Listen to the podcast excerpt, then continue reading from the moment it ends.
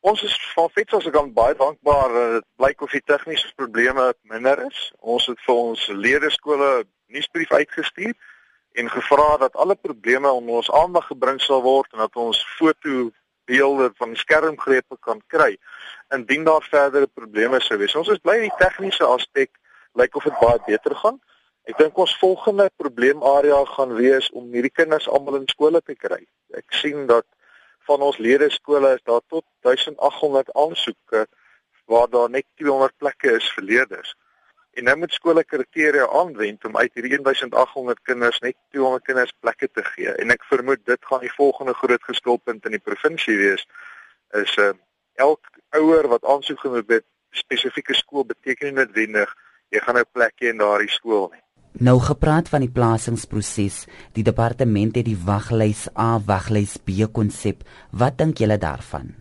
dink die waglys A waglys B konsep is ons meer gemaklik want die toelatingskriteria moet nou volgens die skool se eie toelatingsbeleid hanteer word. So daar waar 1800 leerders na aansoek gedoen het, moet die skool nou die skool se eie toelatingsbeleid gebruik en dan deur hierdie aansoeke werk om te kyk watter kinders kwalifiseer en op grond van die skool se kriteria dan kinders tot die skool toelaat die leerders wat nie tot die skool toegelaat word nie, word dan op 'n sogenaamde B-lys geplaas en dit gaan dan net terug na die departement toe.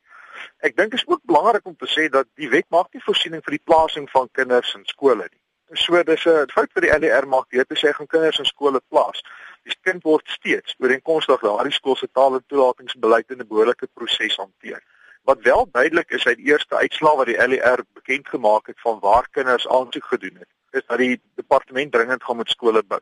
Hierdie probleem kon al 'n baie lang tyd en al wat hierdie statistiek nou doen en data doen is om te bevestig waar's die areas waar daar geweldige druk is aan die een kant, maar dit bevestig ook aan die ander kant. Ouers is bereid om verby swak presterende skole te ry om hulle kind in 'n goeie skool te gaan inskryf. En dis eenvoudig wat besig is om te gebeur. Julle het voorheen versoek dat 'n papierstelsel saam met die aanlyn stelsel moet loop as ons kyk na die aansoekproses. Is dit nog steeds die geval?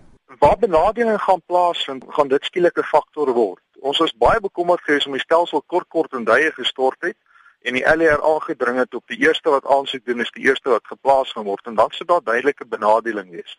As die aansoekproses egter afgehandel is, dan gaan ons met evalueer is daar ouers wat besmoontlik dalk benadeel is of nie toegang gehad het nie en daardie spesifieke benadeling sal op daardie stadium aangespreek word.